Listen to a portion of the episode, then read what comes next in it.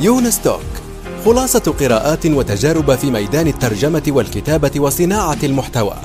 تأتيكم أسبوعيا في قالب مميز وشيق يقدمها الكاتب والمترجم يونس بن عمارة.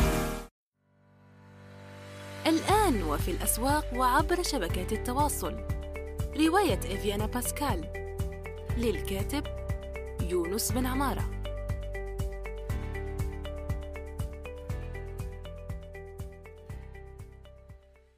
إن خير من استكتبت قلم قوي وفكر رصين. استكتب.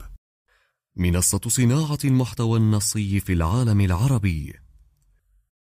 السلام عليكم صباح الخير مساء الخير وقتما استمعتم إلى هذا البودكاست. حلقة جديدة من يوستوك ابقوا معنا واستمعوا إلى هذا الجواب لسؤال جديد وصلني عبر حاسوب أي أو هذه المرة من الأخ مجتبى. بارك الله فيه نبدأ أولا بنص السؤال. يقول السؤال لاحظت في تعليقك على موضوع ثمود إشاراتك آه، لموضوع التسارع في الحياة. سوف نحكي عن يعني موضوع ثمود ما هو وسوف تجدون رابطة في التدوين التابعة لهذه الحلقة. لموضوع التسارع في الحياة والتشتت والقلق إلى آخره أحيانا ينتابني هذا الشعور بالفزع وكأن الوقت يسير بسرعة وأنا أتحرك ببطء فيه. هذا الشيء جعلني مشتتا وجعلني في أنصاف إنجازات لم تكتمل لتثمر وتعطي نتائجها. سيكون من الجميل لو تكلمت عن هذا الموضوع في البودكاست مع أنه بعيد عن الترجمة. تعقيب على الشق الثاني من الرسالة كيف تدير يومك ونفسك وتسيطر على أهوائك وتعمل ما يجب عليك عمله وتنضبط في أمورك؟ نشكر الأخ مجتبى على هذا السؤال. أولا أه والجواب يعني سوف نحاول أن نجيب يعني من الشق الثاني للسؤال وهو كيف تدير يومك ونفسك؟ هو ثم سوف نحكي كيف أنضبط يعني وقلت منذ قليل أني سوف أتكلم عن ثمود. ثمود هو الأستاذ ثمود بن محفوظ الذي يدير بودكاست اسمه كلام ممتاز جدا. آه، يعمل فيه لقاءات مع رواد الأعمال والناجحين. أنصح به بشدة سوف أضع أيضا رابطة في التدوينة. الأخ أستاذ ثمود يعني آه، وضع سؤال يعني ما هي توقعاتك للمهن في العشر سنوات القادمة؟ وكتبت آه، تعليق في حسوب I/O وذكرت فيه يعني فلسفة مفكر حداثي اسمه هارتموت روزا. عنده نظرية اسمها التسارع الاجتماعي. هذه النظرية يعني تشير إلى أن آه، الاهتمام الغربي الكثير جدا بالوقت أدى إلى آثار عكسية وهي في آه، التشتت والقلق ومشاعر الخوف والتوتر وأن القطار يعني سوف يفوت ومنها أيضا كأعراض جانبية ظهرت ظاهرة الفومو يعني آه، الخوف من تفويت آه، شيء ما يعني فوبيا آه، خوف تفويت آه، الجديد يعني على ال social media والإنترنت. فهذه هذا يعني السياق للسؤال كي يفهم المستمع الكريم يفهم يعني عما نتحدث بالضبط هنا. وكما قلت ستجدون الروابط كامل في التدوين إذا سوف نحكي هنا كما قلت في الشق الثاني من السؤال. أولا كيف تدير يومك ونفسك؟ في الحقيقة هي ما ما في يعني آه، روتين روتين دائم أبدي. ما في روتين دائم أبدي. أنا شخصيا أولا أقسم الروتين يعني إلى آه، خمسة عشر يوم. لديك خمسة عشر أو أربعين. يعني عندك خمسة عشر وأربعين. من خمسة عشر يوم أعتبره روتين. يعني يمكنك القيام بروتين مدته خمسة عشر يوما أو أربعون يوما في إذا كان يعني ممتد. وفي هذه الفترة يكون يعني روتين لديك روتين آه، معين فأنا أعمل ب آه، لدي فترة سابقة كنت أعمل بنظام الخمسة عشر يوما وحاليا أعمل بنظام الأربعون يوما كيف هذا النظام؟ شو يعني هذا النظام؟ النظام يعني يكون لديك جدول عمل معين أنت بتغيره كل 15 يوم يكون لديك روتين جديد مثلا أنا من كنت في مرحلة ترجمة الكتب و يعني قبل ما انضم إلى هيكل ميديا كعمل عن بعد يعني في نفس الوقت هو freelancer يعني كنت أعمل مع دار كلمات وهي تكلفني يعني بترجمة الكتب. في هذا لما كنت بترجم الكتب والمدة هي عامان كنت أقسم خمسة عشر يوم. أقسمها يعني لديك خمسة عشر يوم روتين ألف وبعدها خمسة عشر يوم روتين باء. كيف كان يعني الروتين الأول؟ شو كان يتكون؟ الروتين الأول كنت أعمل صباح يعني خمسة عشر يوما دائما أنهض آه، السادسة ونصف السابعة أصلي وما إلى ذلك وأغتسل ثم أشرب يعني القهوة أو وآكل الكعك والفطور الصباحي المعتاد ثم آه، أبدأ في العمل حتى آه، الساعة الرابعة أو الثالثة مساء. هناك طبعا فترات يعني استراحة وأنا أعمل بنظام خمسة وأربعون دقيقة ثم راحة خمسة وأربعون دقيقة ثم راحة لأنها مفيدة. يعني خمسة وأربعون دقيقة تعمل بتركيز ثم ترتاح خمسة عشر دقيقة إلا إذا كان يعني العمل مضغوط جدا. يعني مثلا لديك ملف فيه صفحتان والعميل يطلب يطلب يعني أن أن يكون في وقت محدد جدا فأعمل مثلا ساعتين دون انقطاع وأسلمه ثم أرتاح آه، نصف ساعة. يعني بعد الساعتين تلك أرتاح نصف ساعة وبعد أن أسلم العميل الملف. هذا خمسة عشر يوم. ثم في الخمسة عشر اليوم التالية وكما قلت يعني في نظام الكتب أصلا لم يكون لدي عامل واحد يعني هو أصلا كتاب.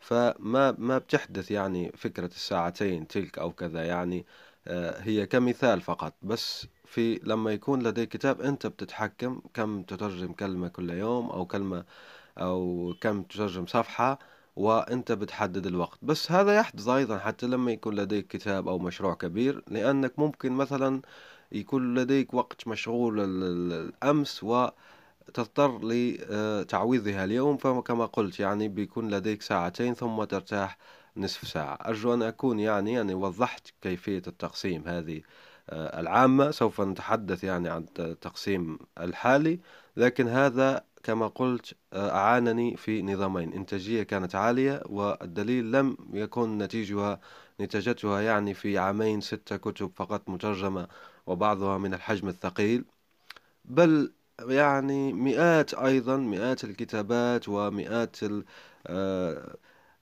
المحتوى الذي صنعته لأني وجدت الوقت كما أفعل الآن هنا لأني وجدت الوقت لصنع محتوى جديد مع آه، المهام الموكلة إليه. إذا كما قلنا أن النظام الذي حكيت عنه عامين كاملا كان خمسة عشر يوم ثم خمسة عشر يوم خمسة عشر يوم أعمل صباحا ثم الخمسة عشر يوم التالية أعمل في الليل. معنى يعني أني آه، أقلب الشيفت. والسبب في قلب الشيفت يعني كانت عدة أسباب منها يعني شخصية وعملية آه، وعائلية ف اضطررت أني نبدل يعني آه، الشفت النوبة كما يقال نوبات العمل. فعملت لكن عجبتني فيما بعد. فأصبحت خمسة عشر يوم أعمل صباحا وخمسة عشر يوم أعمل مساء. هذا النظام القديم كما قلت يعني الذي استمررت فيه لعامين. أما النظام الجديد الذي أعمل به حاليا فهو أعمل صباحا يعني من السادسة صباحا حتى الثالثة أو الرابعة مساء. كما قلت خمسة وأربعون دقيقة. خمسة وأربعون دقيقة عمل ثم آه، خمسة عشر دقيقة راحة. لكن أيضا حتى في النظام الجديد لدي آه، يعني الروتين المختلف نوعا ما لأني أعمل كل الشهور يعني العادية أعملها في الصباح بس آه، رمضان أعمل في الليل. لا أستطيع يعني شخصيا أن أتخلى عن الكافيين أو تركيزي ضعيف أيضا في رمضان يمكن هذا نمط اجتماعي بس أنا لا أستطيع العمل نفس الإنتاجية في الصباح. لذلك حاليا النظام هو كل الشهور آه، عمل صباحي بس رمضان هو فيه عمل ليلي فقط. يعني أنجز المهام كامل في الليل قبل السحور ثم أنام الفترة الصباحية تتخللها. أعمال بسيطة يعني فقط مو مو عمل آه، حقيقي يعني. فهذا النظام آه، آه، الحالي الذي أعمل به وحاليا يدخل في سنة وأربع أشهر. يعني النظام الجديد الذي أحكي عنه دخل في سنة وأربع أشهر. النظام قديم كما قلت فيه عامين. وسوف نحكي يعني ممكن بتحكي أنا أنا أحب أن أدخل أيضا في التفاصيل. يعني مثلا آه، الواجبات العائلية شراء الخبز يعني شراء الحاجيات الذهاب إلى التسوق الذهاب إلى الحلاق أو المزين كما يقول الإخوة التونسيين. يعني هذه كلها سوف نحكي عنها في النقاط التي تجعلك تنظم وقتك لأني لم أتجاهلها.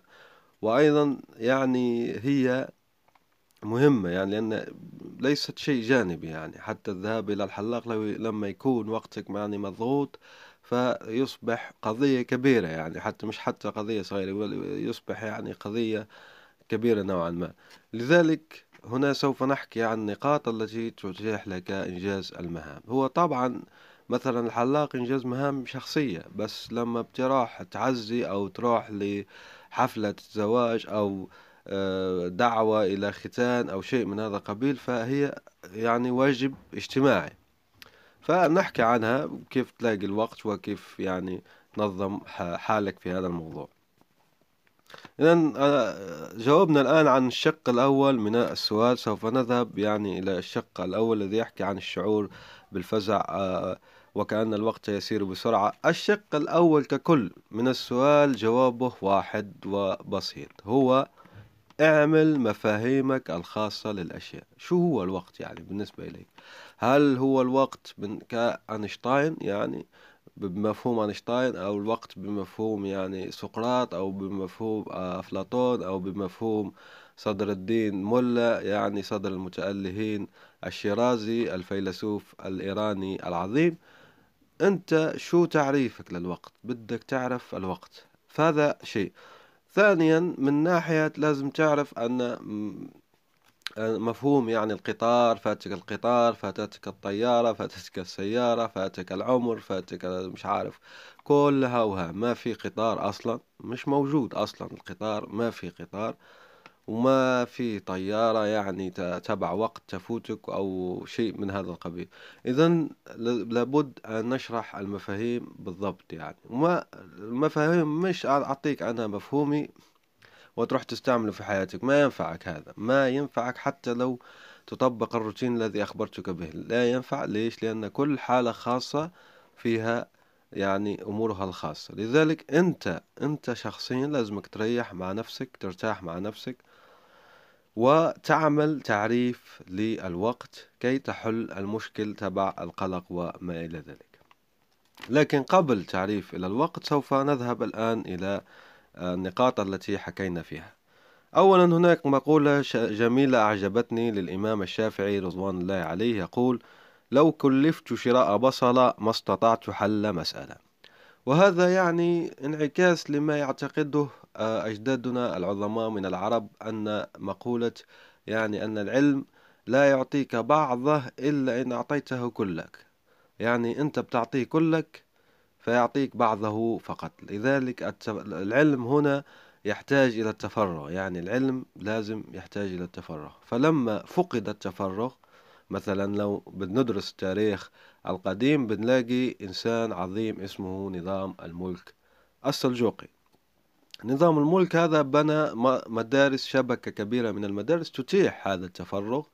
وفيما سبق أيضا كان نظام الأوقاف ممتاز جدا وفعال للغاية لدرجة يتيح أيضا التفرغ فينشأ الإبداع. هنا تنشأ الإبداع وينشأ الأمور. يعني آه، هناك في العهد المملوكي بمارستانات كما تسمى يعني بالفارسية وهي يعني المستشفى. فيها ناس يعني يضحكون متخصص في الضحك يعني بيروح للمستشفى وبيضحك الناس الذين يعانون من الاكتئاب ويتقاضى من ثمن الأوقاف. وهناك أيضا الموسيقيون يعني يضربون الموسيقى أو يعزفون يضربون يعني على الربابة أو العود ويعزفون الموسيقى لتسلية آه، المرضى. وهناك عظمة كبيرة جدا في موضوع الأوقاف.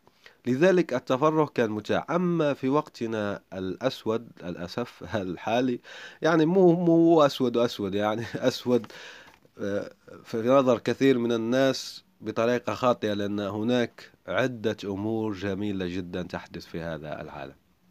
من بينها الفريلانسر مثلا الإنترنت لأن من قبل صحيح كان التفرغ متاح بس الإشكالية وين كانت؟ كانت في المصادر يعني بدك تسافر بدك تروح بدك تتعذب ما تلاقي كتاب حتى لو تلاقي معني مثلا مكتبة فيها خمسة خمسين ألف كتاب أو سبعون ألف كتاب أو مئة ألف حتى لو كانت نصف مليون خمسمائة ألف كتاب يبقى هناك كتب صعبة أن لازمك يعني تشري راحلة وتسافر وتكاليف أخرى وتعب ومخاطر بس في الوقت الحالي مهما كنت يعني مهما كانت قوتك الجسدية بنت ما بتستطيع تروح مثلا آه، أنت لديك فوبيا طائرات لديك فوبيا قطارات ما أعرف شو فتستطيع في العلم. فالعلم دخل بيوت وهذا أيضا ما سبب بعض الأحيان في آه، أثر عكسي وهو أنه لما انتشر العلم كثيرا وسهل الوصول إليه تكاسل الناس عن آه، اكتسابه. لذلك في الانترنت مثلا بتلاقي كثير جدا من المقالات كيف أتغلب عن التسويف كيف أتغلب عن التسويف كيف يعني أخرج من الكسل وأبدأ أتعلم كذا. المصادر متوفرة كل شيء متوفر. لماذا أنا لا أتعلم؟ لماذا أنا؟ وهذا كما قلت سوف نحكي عن في النقاط. وإجابة على سؤال أخ العزيز مجتمع. إذا بعد أن آه، نوهنا بمقولة الشافعي الممتازة تبع لو كلفت شراء بصلة ما استطعت حل مسألة راح نحكي راح نحكي عن آه، النقاط التي سوف تفيدك في عمل آه، يعني ضبط نفسك ورفع الإنتاجية وتحقيق الإنجازات التي ترغب بها. الأول هو تحديد الأهداف أولا وأخيرا وضع خطة تحديد خطوات بعيدة متوسطة المدى وقريبة المدى. ليش نحن نتكلم نتكلم نتكلم ونرجع في الأخير وبنحكي على الأهداف. لأن رسم الأهداف هو أهم شيء. ما عندك هدف مشكلة عويصة جدا جدا جدا جدا. يعني الأهداف لازم تكون مثل الأهداف. أنت لما تكون طالب يعني في الماجستير أو في بكالوريوس أو الدكتوراه أو كذا وما عندك هدف جامعة أصلا لا تسوى شيء. مهما كان العمل الذي تقوم به دون أهداف فالعمل نفسه قيمته صفرية يعني قيمة تؤول إلى الصفر. لذلك لابد من الأهداف ومش عيب أن يكون لديك هدف. المشكل في الناس أن مش ل... أن ليس لديها أهداف. أنها لما بتعرف قيمة الأهداف لا تصنع واحد. المشكل لما بنلاقي شخص يعرف قيمة رسم الأهداف ولا يرسم هدف. أنا الشخص هذا في لدينا معه يعني مشكلة ولديه مع نفسه على كل حال مشكلة ليس مع يعني هو فيضر بحياته ويظلم الآخرين ويظلم نفسه معه. إذا لازم رسم الأهداف. وإذا ما كان عندك أنت هدف أي شخص يعني يستمع هذا ما عنده هدف فتوقف عما تفعله حاليا بعد الانتهاء منه. مثلا أنت كملت عندك شهرين مثلا وبتتخرج خلص ما تكمل دراسة ما تكمل دراسة. تخرج وخلص ما تكمل دراسة حتى تلاقي هدف. مثلا أنت متعاقد مع شركة في خمسة أشهر وانتهت بقي مثلا شهر وينتهي العقد. انتهى العقد وانت ما لديك هدف خلاص وقف. اصنع هدف ثم انطلق من جديد. الأهداف مهمة جدا جدا جدا أكثر من أي شيء آخر. النقطة التالية التي تلي الأهداف هي آه، هي أن نحولها إلى خطط. في هذا المقام أنصح بكتاب ممتاز جدا لأنه فيه تمارين عملية مفيدة تخرج لك بالأهداف من الصفر وهو خطط لحياتك للأستاذ صلاح الراشد. نحييه يعني وهو وفريقه الممتاز من هنا. فهذا كتاب مفيد جدا. اشتري النسخة الأصلية يعني ما تنزله من الإنترنت لأنه متوفر الإنترنت بس ما تنزله من الإنترنت لأنه لن يفيدك في شيء. ولأن النسخة الورقية بدك تشتريها لأن فيها كراسة صغيرة يعني كراسة صغيرة كناشة صغيرة ممتازة الطباعة ممتازة جدا.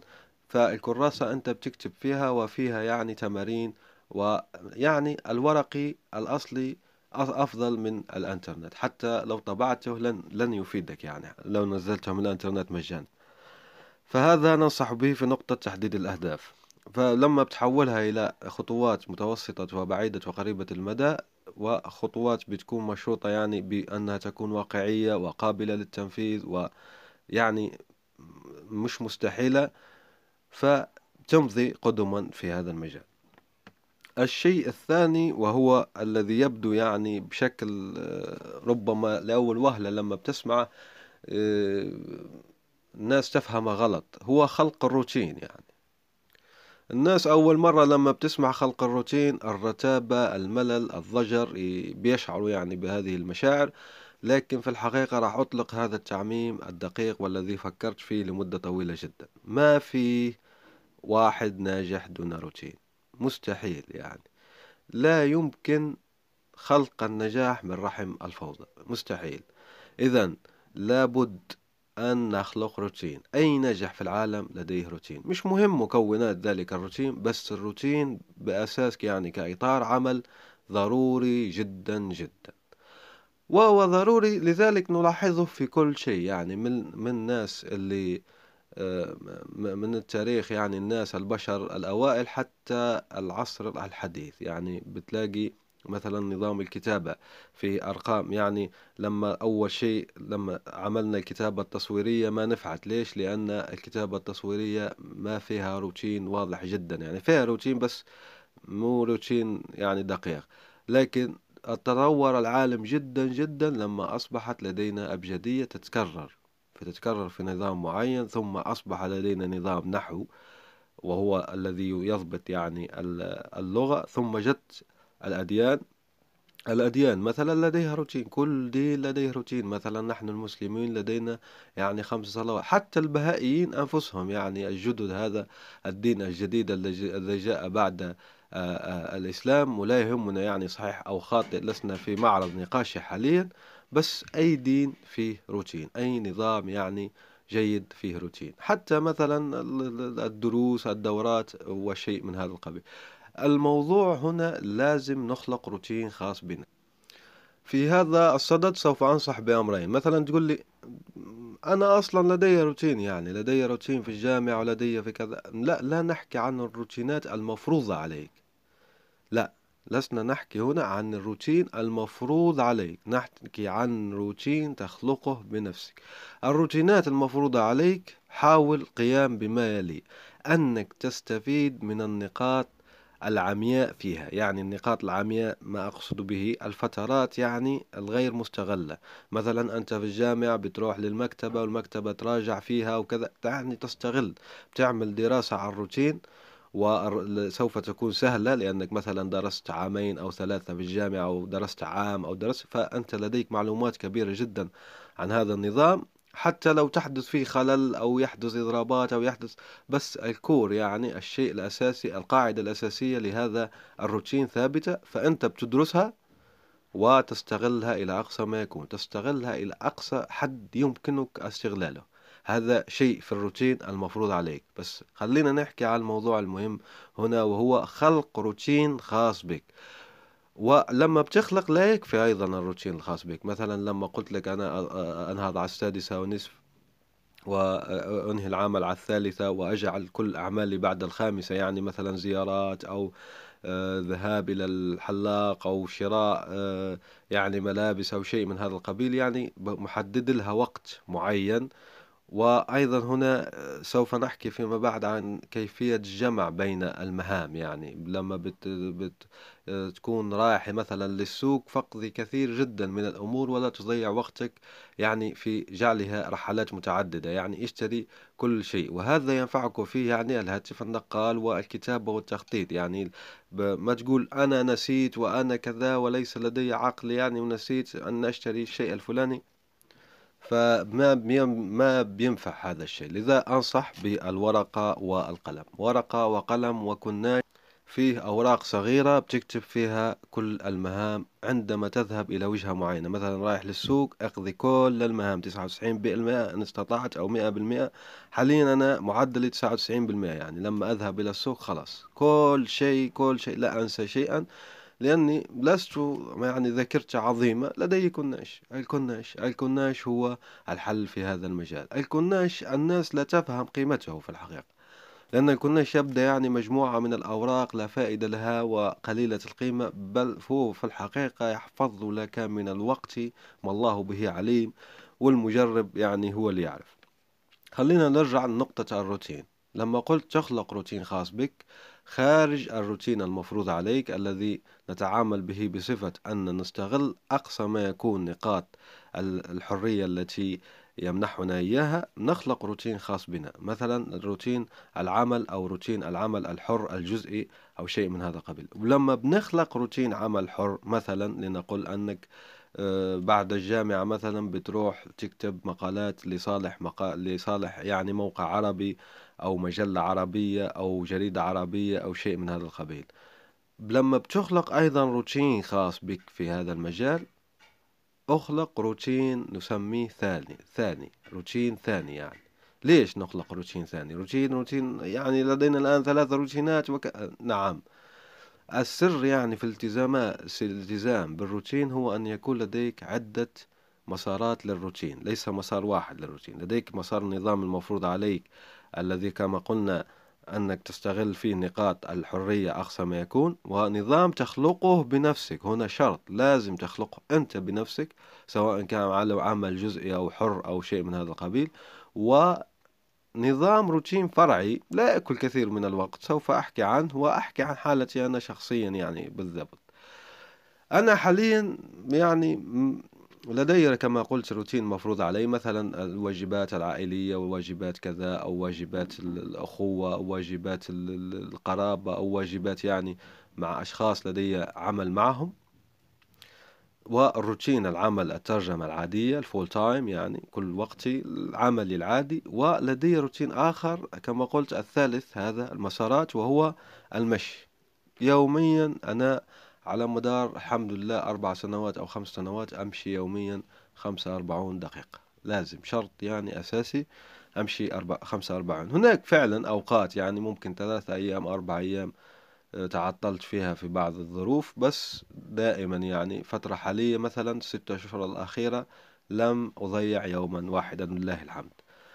والروتين الآخر أيضا يعني النقطة العنصر الثاني من الروتين الثالث الذي نحكي فيه هو إجابات. كل يوم أحاول أن أضع شيء مفيد في حاسوب أي أو أضع يعني رابط أضع تعليق. أحيانا التعليق يكون بخمسمائة كلمة يعني شيء مقال كأني كتبت مقال يعني. فأحاول أن أضع روتين نفس أنا أنا اللي خلقت لنفسي هذا الروتين فأضعه في حاسوب يعني شرط أجاوب شيء من حاسوب. الروتين الثالث الفرعي ليش نحن ننصح به؟ يعني الروتين اللي حكينا ثلاثة مسارات ليش الروتين الثالث ننصح به؟ لأن الروتين الثالث لما بتضيعه بيقاوم مشاعر الفشل الذي التي تشعر بها. ويرفع من الإنتاجية. يعني مثلا أنا لو مثل ما فعلت يعني في يونستوك لدي عدة يعني أسابيع لم أسجل فيها ولا حلقة. هذه حلقة جديدة يعني بعد آه شهر أو شهرين لا أدري بالضبط المدة. ولا أشعر يعني بالفشل أو أشعر يعني بالعار أو أشعر بالخزي. ليش؟ لأني لأن هذا روتين من الثالث يعني. هذا كتابة يعني تقديم حلقة أسبوعية في يونستوك من من عناصر الروتين الثالث. فهو بيكون يشكل مثل مثل الصدفة الخارجية اللي بتحميك من مشاعر القلق والاضطراب والإحباط. والتجربة كما قلت خير برهان مفيدة جدا في في هذا المجال. إذا نكمل في وصلنا يعني النقطة الثانية وهي خلق روتين. الثالثة وأيضا هذه أيضا يحقرها الناس كثيرا وهو قوة الخيال. الخيال قوة عظيمة جدا. يعني أنك تكون حالم. للأسف في العالم العربي وحتى في العالم عموما أنك بيطلقوا اسم الحالم والمتخيل والخيالي آه، كأنها سبة يعني كأنها إشكالية. وهي لا الخيال قوة عظيمة جدا جدا. الخيال ممتاز.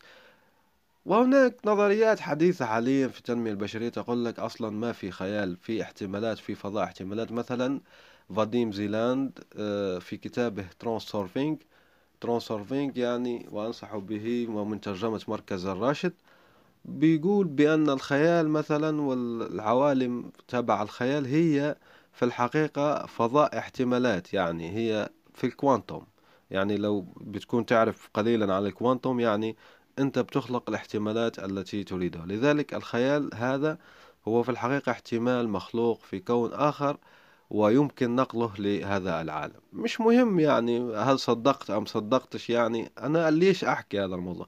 لكي أقول الخيال قوة عظيمة يعني أنا شخصيا أتقبل الأفكار يعني منفتح على الأفكار. والانفتاح مع أن هذا موضوع ليس للترجمة بس الانفتاح مهم جدا للمترجمين. إذا كنت متزمت كثير جدا يعني من مجالات الترجمة لن تنفع معك. لازم يكون لديك عقل متفتح. أكيد لا تقبل كل شيء يعني آه، ويكون لديك عقل نقدي وعقل شكاك وعقل كذا. هذا لا يناقض قوة الخيال يعني. ما في أي تناقض مع قوة الخيال. المهم هنا أن نحكي عن قوة الخيال ويجب تنميته يعني بيكون لديك خيال واسع وتوظفه في قصص وتوظفه في آه، أحلام اليقظة لأن أحلام اليقظة أيضا لما بتسيطر عليها بتكون مفيدة جدا لتعزيز ملكة الإبداع والابتكار فيك. فلا يعني تغفل عن نقطة الخيال وقوته. ابحث عن الموضوع يعني في علم النفس ابحث عن كذا وأدرج. كيف يندرج يعني الخيال؟ الخيال لازم يكون لديك يعني حصة يوميا نقول له مثلا خمسة أو ستة ساعات آه ستة ساعات قلتنا لا ستة دقائق أو سبعة دقائق فيها يعني بتترك عقلك يسيح يعني في ملكوت الله على الخيالي يعني بتفكر في الموضوع وتفكر يعني في المستقبل وتفكر في الم... دون خوف. وهذا للأسف يعني في الوقت الحالي صعب. يعني أنك تفكر لأن معظم الناس لما بتفكر يقول لك أنا أتخيل بس مشاعر هذا مو خيال. الخيال أنك تنسى يعني العقبات الموجودة في هذا العالم تنسى يعني أنك مثلا ذلك الشيء يمنعك من الحصول على ذلك الشيء. لا الخيال هو ببساطة تذهب مباشرة إلى ذلك الشيء. خلاص امتلكته ما هو شعورك الآن؟ مثلا. ما هو شعورك؟ أنت لديك مثلا آه، نشرت أول كتاب لديك وظهر باسمك في الرفوف وحقق رقم واحد مبيعا في معرض إكس معين مثلا معرض شيء ما. شو شعورك؟ فكر. ما تقول وأنا كيف وأنا أصلا لم أكتب. لا هذا هذا مو خيال. ذلك ذلك تعذيب نفسي يعني. الإنسان يفكر وكذا وهذا الذي يحدث أيضا لدى الناس لما بيحبوا يناموا. لذلك أنصح لا أستطيع آه، يعني أن أشرح كثيرا جدا في موضوع الخيال لكن أنصح أن تقرأوا يعني موضوع في الخيال والخيال الإبداعي وتوظيف الخيال في العملية الإبداعية يعني. كيف نستفيد منها؟ وبتدخله بطريقة ما في نظام حياتك لأنه مفيد جدا النقطة هذه اضعوا عنها آه، ثلاثة أو أربع سطور وراءها. نذهب إلى النقطة الرابعة وهي الوقت ما في الوقت. مع أن كنا لدينا يعني 24 ساعة 24 ساعة بس ما في وقت. لذلك سوف نحكي هنا عن طريقتين لإيقاف الوقت. هل هذا حقيقي؟ يعني يمكن توقف الوقت يا يونس؟ في نظري نعم لأن الوقت نسبي فلذلك يمكن توقيفه. وهناك طريقتان لفعل ذلك.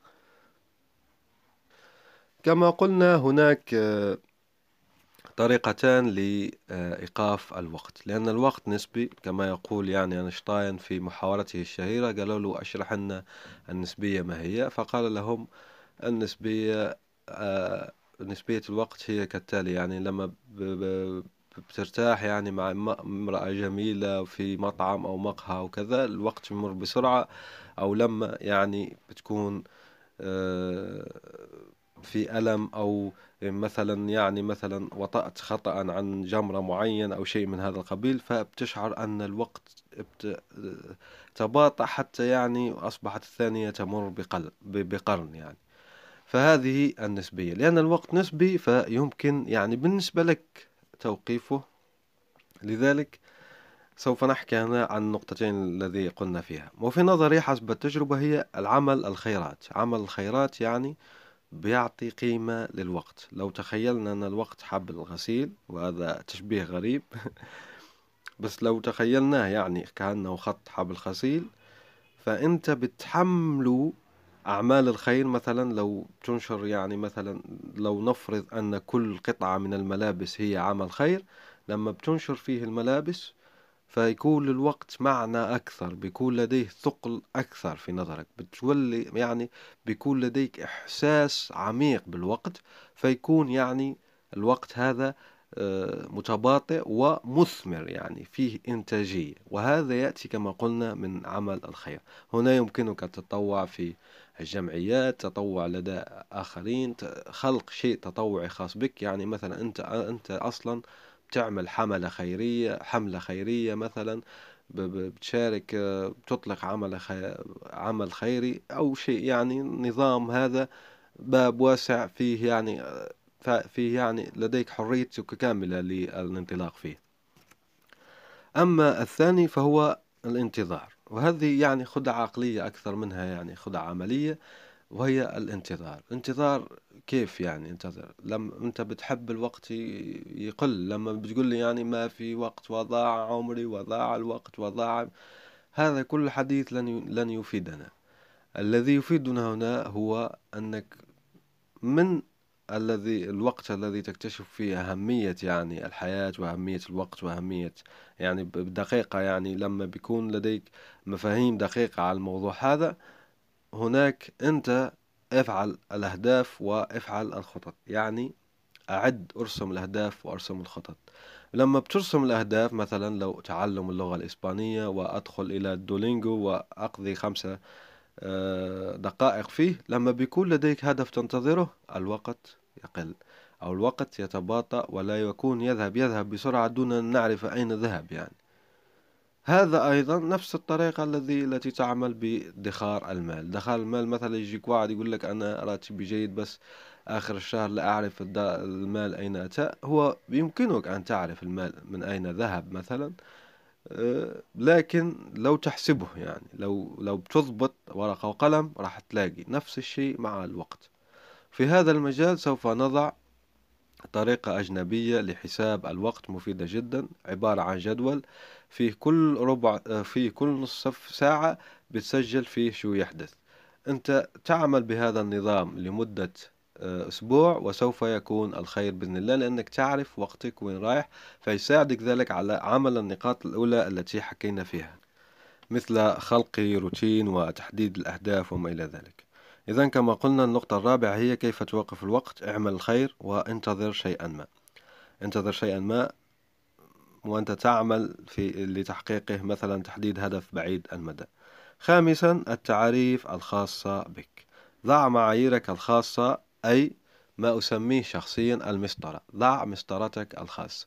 ما بتعمل يعني ما تقيس حياتك بمسطرة الناس. ما تقيس حياتك بمسطرة الناس. المقارنة الوحيدة المتاحة لك هي مقارنة نسخ نفسك بنفسك يعني على سلم زمني. قارن فلان يعني قال محمود بما كان عليه العام هذا والعام اللي فات والعام الذي سيأتي. ما نقارن محمود بأحمد أو نقارن آه، فتحية يعني بزليخة أو آه، منيرة؟ لا. نقارن الشخص نفسه على سلم زمني بالنف بالشخص نفسه يعني هو نسخ الشخص هل تطور أو كذا. يعني ما تقول لي آه ذلك تخرج أكثر مني يعني وهو سنه صغير أو ذلك راتبه أعلى وهو سنه صغير أو ذلك فعل كذا وكذا وسنه صغير. ما تفيد. وهنا يجب أن يكون لديك قناعة فعلية بهذا الموضوع وليس يعني آه، لا نعرف أن المقارنة يعني لا تجد لا لازم تكون يعني قناعة فعلية. أولا أن الله عز وجل ليس ظلام للعبيد لم يظلم أحدا. واستحالة أن يظلم محال عقليا أن يفعل ذلك. كما أن هناك شيء آخر هي أن المقارنة بين شيئين أصلا المقارنة التامة المطلقة بين فردين أو شيئين مستحيلة عقلا لأن لا نحيط بكافة الظروف وبكافة العوامل. لذلك المقارنة عقليا مستحيلة حتى يعني مش بسبب ديني وأن يعني الحسد أو آه، أنك بتشوف الآخرين أو وأنا لا أتهم يعني المستمع بشيء وكذا. يعني نحكي نحن في الموضوع أن المقارنة دينيا وعقليا بالغير ليست مجدية ولن تؤدي إلى شيء. المقارنة بتكون بين الشخص بين نسخ الشخص على سلم زمني. أنت كيف كنت وكيف أصبحت؟ كيف كنت العام الفائت وكيف أصبحت العام هذا؟ لديك أخطاء استفد منها. لديك نجاحات مكتسبات الحمد لله رب العالمين ابني فوقها وهكذا في هذا. لماذا الناس تضيع الكثير؟ يوجد مثلا ناس لديهم مكتسبات كبيرة جدا بس بيحدث عام ويرجعون فيه للوراء. ليش؟ لأنهم بدأوا المقارنة مع الآخرين وكما يقول المثل الذي ينتشر على الإنترنت لا تقارن فصلك الأول بالفصل العشرين مع شخص آخر وهذا أيضا مفيد يعني ولكن أنا شخصيا أقول لا تقارن مطلقا الوحيد الذي يجوز لك المقارنة فيه هو نفسك. أرجو أن أكون يعني قد أفدتك في هذا الجواب.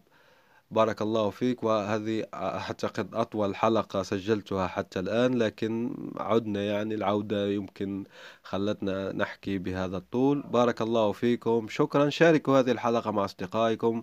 أستقبلوا أسئلتكم على البريد الإلكتروني وصراحة ومدونة يونس توك مدونة يونس بن عمارة وصفحة يونس توك على الفيسبوك. شكرا لكم. إلى اللقاء. سلام. الآن وفي الأسواق وعبر شبكات التواصل. رواية إفيانا باسكال. للكاتب يونس بن عمارة.